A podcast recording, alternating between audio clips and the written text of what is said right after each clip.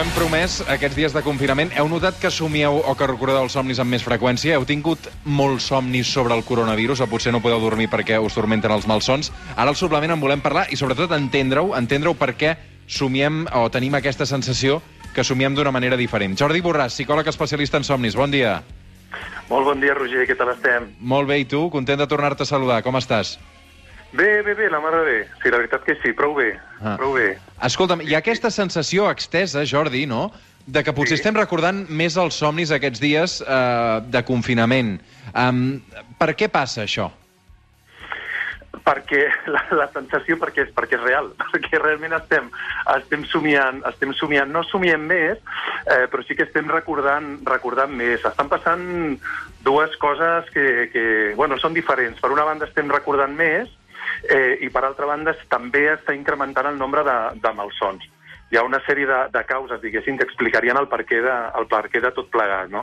Però sí, sí, estem, estem tenint aquesta experiència. Eh, clar, és que la situació acompanya, diguéssim, no? Eh, tu pensa que, la, que, per una banda, hi ha di diferents factors eh, que, que expliquen uh, un increment, per exemple, en el record. Nosaltres estem canviant les rutines, això ja normalment afecta el, el, el record en general, quan canvies el teu modus vivendi, les, les coses que fas el dia a dia i de més, no? Però a més també estem, estem dormint més estona. Les persones que estan confinades estan dormint més estona. Això implica que tens més oportunitats també per somiar, perquè hi ha més, més moments al llarg de la nit en què uh, es dona la fase REM, que és la fase que coneixem en la que normalment tenim, tenim els somnis, no? I per altra banda també hi ha un factor molt rellevant, a, a diferència de quan estem, quan estem treballant, la vida normal i de més, habitual, en la que nosaltres ens despertem amb una alarma, amb un despertador, en la majoria o en molts casos, ara mateix eh, moltes persones estan despertant de forma natural. Això implica que es desperten tot just després d'una fase REM i, per tant, tenen molta més eh, capacitat o possibilitat de recordar els seus somnis. Clar. Uh, ens hem de, de preocupar uh, d'alguna manera, uh, o entenc que és un, és un fenomen normal, no?, també, de la situació que vivim? Absolutament normal tenint en compte les circumstàncies, clar, evidentment, evidentment. El que sí que és cert és que aquestes circumstàncies, que no són gens normals, no estàvem habituats a això, a, a moltes persones els hi pot sobtar. El fet d'estar recordant els seus somnis, de fet, a moltes persones els hi, els hi xoca perquè no estan no estan acostumades, a, podríem dir gairebé, a reconèixer un món interior, no? Eh, clar, quan tu normalment estàs molt centrat en la teva vida externa, estàs més, més enfocat en les, les qüestions d'ordre pràctic, el fet d'estar de, no, de, de, de sobte reconeixent que hi ha tot un seguit de coses que et passen quan et vas a dormir, eh, que normalment abans oblidaves, doncs això pot, pot xocar. De totes maneres, el que normalment a les persones els hi preocupa més no és tant el, el record, que pot ser fins i tot estimulant en un moment donat, i especialment en, un, en, un, en circumstàncies com aquestes, no? el fet de, de recordar els nostres somnis, eh, sobretot si tenim després l'oportunitat de poder compartir-los no? amb les persones amb les que estem eh, també compartint el confinament, doncs pot ser fins i tot estimulant, no? Mm. Però el que amoïna moltes persones és que estan tenint malsons, i això ja és una altra, ja és una altra pel·lícula, no? Mm. Per, què, per què hi ha la sensació que tenim més malsons, Jordi, aquests dies? Bueno, uh, passa, tu pensa que a nivell emocional uh, la situació és, realment és, és, és angoixant. Els somnis tenen a veure fonamentalment en tot el que uh, gira al voltant del nostre món emocional. Eh, normalment se'n fan ressò, diguéssim, no? de les circumstàncies emocional, emocionals i de les qüestions que ens preocupen. És a dir, nosaltres en els, en els somnis en general podríem dir el que fem és eh, entre altres coses, hi ha moltes teories per poder provar d'explicar, diguéssim, el per què somiem, no? Però hi ha una aquesta força estesa i compartida pel, per part dels especialistes, que seria la de que amb els somnis nosaltres el que fem és intentar eh, lidiar amb les qüestions que ens amoïnen del dia a dia.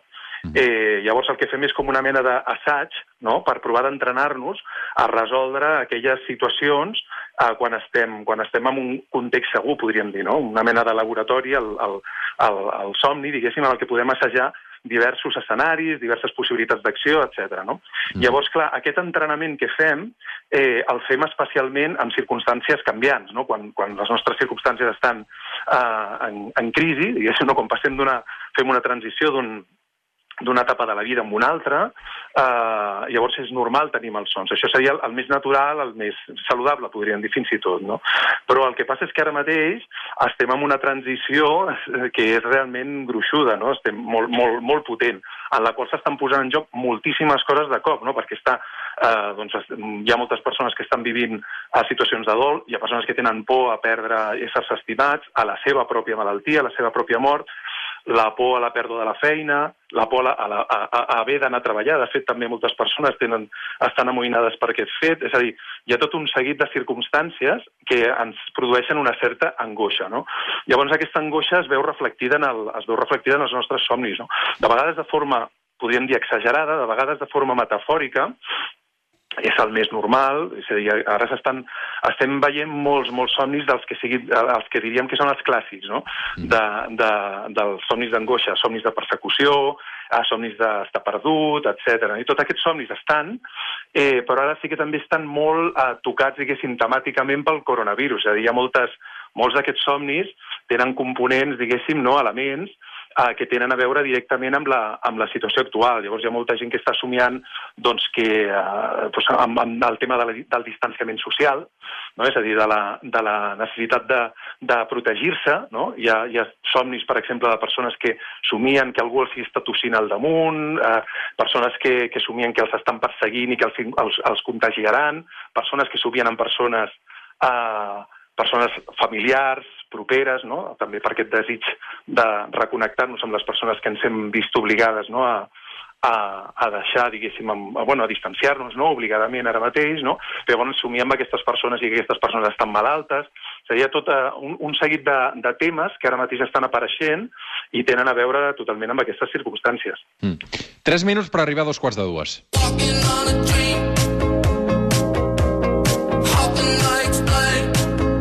Tenim oients que ens han fet arribar les seves consultes. També, diu la Sara, aquests dies acostumo a somiar sobretot amb l'última cosa en què pensava abans d'anar a dormir. En general, això no em passa habitualment. Um, per què? Busca un per què. Mira, Mira, deixa'm que faci... A, a, aprofito aquest comentari de la perquè és ben interessant el que està dient i jo crec que també és una clau que interessarà a totes les persones que ens escolten. Eh, el fet de, de reconèixer, com ella fa, que està somiant amb allò que, que, uh, que ha pensat tot just abans d'anar a dormir, ens dona una, una pauta, uh, una clau que tothom podem uh, recollir. Eh, quan nosaltres anem a dormir, un dels problemes que estem tenint, de fet, és una de les coses que afecta també a, a, a la, la qualitat de la son, és a dir, eh, hi ha moltes persones que també estan patint d'insomni aquests dies, no? I una de, un dels factors que està entrant en joc, eh, perquè això sigui així, i també perquè tinguem malsons, és que anem a dormir d'una determinada manera. És a dir, que ens anem sobreestimulats eh, pensant en, en tots els problemes de, que, que, que comporta la situació actual i de més. No? Llavors aquí hem de ser molt curosos eh, perquè una bona estona abans d'anar a dormir hauríem d'estar eh, ja recollint-nos, diguéssim, i estimulant-nos amb altres coses, amb coses que ens resultin agradables, amb, uh, amb converses amb familiars, uh, llegint algun llibre que ens, que ens sembli interessant, etc. Però és important que no estiguem mirant xarxes socials, mirant les notícies. Es va fer un estudi, de fet, uh, quan va passar allò de, de l'11 de setembre als Estats Units, uh, es va veure que després de l'impacte de la caiguda de les Torres Bessones hi havia augmentat el nombre de malsons entre la mostra de població que van, que van fer l'estudi. I, I el que van veure és que la majoria de les persones que tenien més malsons eren persones que veien la televisió, que veien les notícies eh, eh, que apareixien a televisió i estaven en contacte amb les xarxes socials, normalment com a hàbit, abans d'anar a dormir. És a dir, eh, sobretot el tema visual es va veure que era, que era definitiu. És a dir, no és el mateix ni tan sols parlar sobre el tema, sobre els problemes que està suposant la situació, amb persones que, que puguis parlar per telèfon o amb persones amb les que estiguis convivint, no és el mateix que està veient vídeos, que està veient la tele. Sembla que hi ha un component visual aquí important que està afectant el contingut dels somnis. Mm -hmm. Llavors, Uh, incidint amb el que diu, diu la Sara, el que és rellevant aquí és que nosaltres, quan anem a dormir, escollim molt bé què pensem tot just abans de quedar-nos dormits.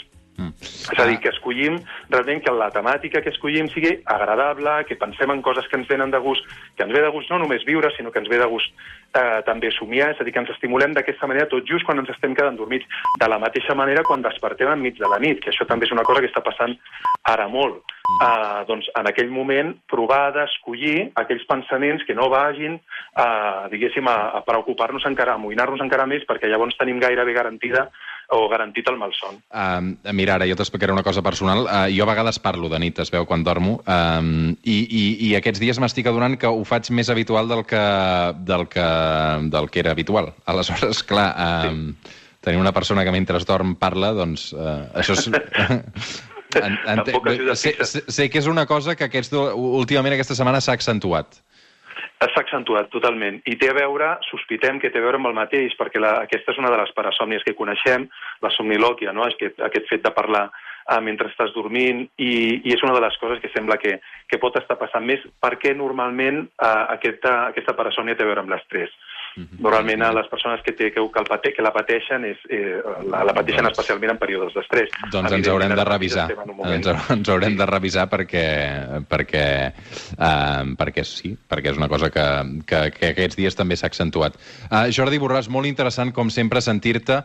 Uh, tenim uh, un munt de consultes també dels oients. Uh, deixem que te'n traslladi uh, una última i ho tancarem aquí. Um, okay. perquè uh, la Laia uh, diu uh, fa setmanes que, que assumiu que estic vivint uh, una guerra. A vegades estic lluitant en el camp de batalla i a vegades amagada a casa durant un bombardeig. Uh, què significa somiar amb conflictes bèl·lics? Mira, el, el, un conflicte seria un altre dels que estan apareixent aquests dies eh, a força, eh, seria una altra de les mostres o de les formes que té d'expressar-se de, aquesta, aquesta situació. Tu pensa que estem en un moment d'inflexió, eh, en el que no sabem què va passar. Llavors, una miqueta aquesta incertesa que estem experimentant en el dia a dia es trasllada, es trasllada als nostres somnis. Hi ha una cosa interessant en els malsons, que aquest punt exagerat, exagerat per sort, no estem en una guerra, estem en una situació descontrolada, evidentment, bueno, reconeixem també que és veritat que no tenim tot controlat, que també és una cosa que, de fet, mai tenim tot controlat, però, bueno, en aquest cas ens fa molt evident. Però no estem, no estem en una guerra, i, de fet, moltes vegades, si nosaltres tenim somnis com una guerra, un tsunami que està a punt d'enfonsar-nos de, de, i de més, al despertar, evidentment, ens despertem angoixats i preocupats i de més, però de seguida tenim aquesta sensació de dir que bé que era un somni, només hi ha una pandèmia, diguéssim, no? Mm. Llavors, d'alguna manera, el somni també ens prepara per encaixar, per digerir, diguéssim, el, el que són les circumstàncies desagradables que estem vivint en el, en el dia a dia. En principi, això és interessant explorar-ho, terapèuticament també, sobretot si insisteixen a, a aquest tipus de somnis, però també és veritat que hem de fer uh, un, una puntualització, perquè és, més, uh, és menys preocupant això que tingui somnis catastròfics com aquests, que, que estigui tenint somnis relacionats directament o literalment amb el que està passant a la vigília. Un, un cas, per exemple, que ens preocupa, ens amoïna els psicòlegs, és que hi ha més persones del, de l'àmbit de la salut que estan tenint eh, somnis relacionats molt directament amb la seva experiència vital. És a dir, tu pensa que eh, la gent que treballa ara mateix en sanitat tenen un, un, un, una son de molt mala qualitat, tenen una disrupció de la, de la nit eh, freqüent i de més, no? i, i estan tenint uh, somnis literalment amb les experiències que estan vivint, amb persones que estan morint i de més, perquè estan al peu del canó, diguéssim, a primera fila i, uh, i, i rebent aquest impacte directe. Els somnis, que són molt literals, uh, d'alguna forma el que ens donen a entendre és que l'inconscient i el somni eh, no està fent aquest procés de, de digestió, diguéssim. No? Normalment els somnis quan tenim un trauma, eh, una experiència traumàtica, passen per un procés, primer tenim l'experiència i després eh, el somni va transformant-la transformant, transformant metafòricament. I això significa que estem d'alguna forma digerint, diguéssim, l'experiència. Quan el somni, l'experiència traumàtica, és recurrent, es, es repeteix una i altra vegada, eh, podem entendre que aquí hi ha alguna cosa, alguna cosa que s'està encallant. Llavors, és, és possible que aquesta persona desenvolupi més endavant un trastorn per estrès posttraumàtic, que seria una cosa més gruixuda i més, més preocupant. Mm. Jordi Borràs, molt interessant. Et tornarem a trucar uh, perquè, perquè és molt interessant tot el que expliques. Moltes, moltes gràcies, uh, psicòleg expert en interpretació en aquest cas de, de somnis. Uh, cuida't molt, gràcies. Moltes gràcies, Roger, igualment.